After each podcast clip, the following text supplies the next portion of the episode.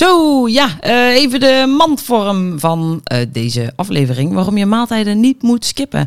Even heel kort door de bocht. Op het moment dat jij een maaltijd gaat skippen en denkt, oh dat is een goed idee, want dan kan ik calorietjes besparen, is de kans groot dat jij gaat overeten later. Want ja, stel je gaat dan verjaardag en je denkt, oh ja, fly en uh, honger. oh, er zitten nog meer lekkere snacks op tafel. En je gaat op een gegeven moment bunkeren, want ja, je hebt niet goed gegeten, dus je hebt honger. En dan krijg je uiteindelijk meer calorietjes binnen dan dat de bedoeling was. Niet heel handig. Dus in de lange aflevering van de podcast ga je leren: oké, maar hoe moet ik het dan doen? Calorieën besparen als ik toch wel wat lekkers wil eten. Hoe moet ik het dan aanpakken? Ja, dan moet je even naar de lange aflevering luisteren. Maar kan je in ieder geval vertellen: maar altijd skippen om te compenseren. Dat is niet heel slim en geen optie.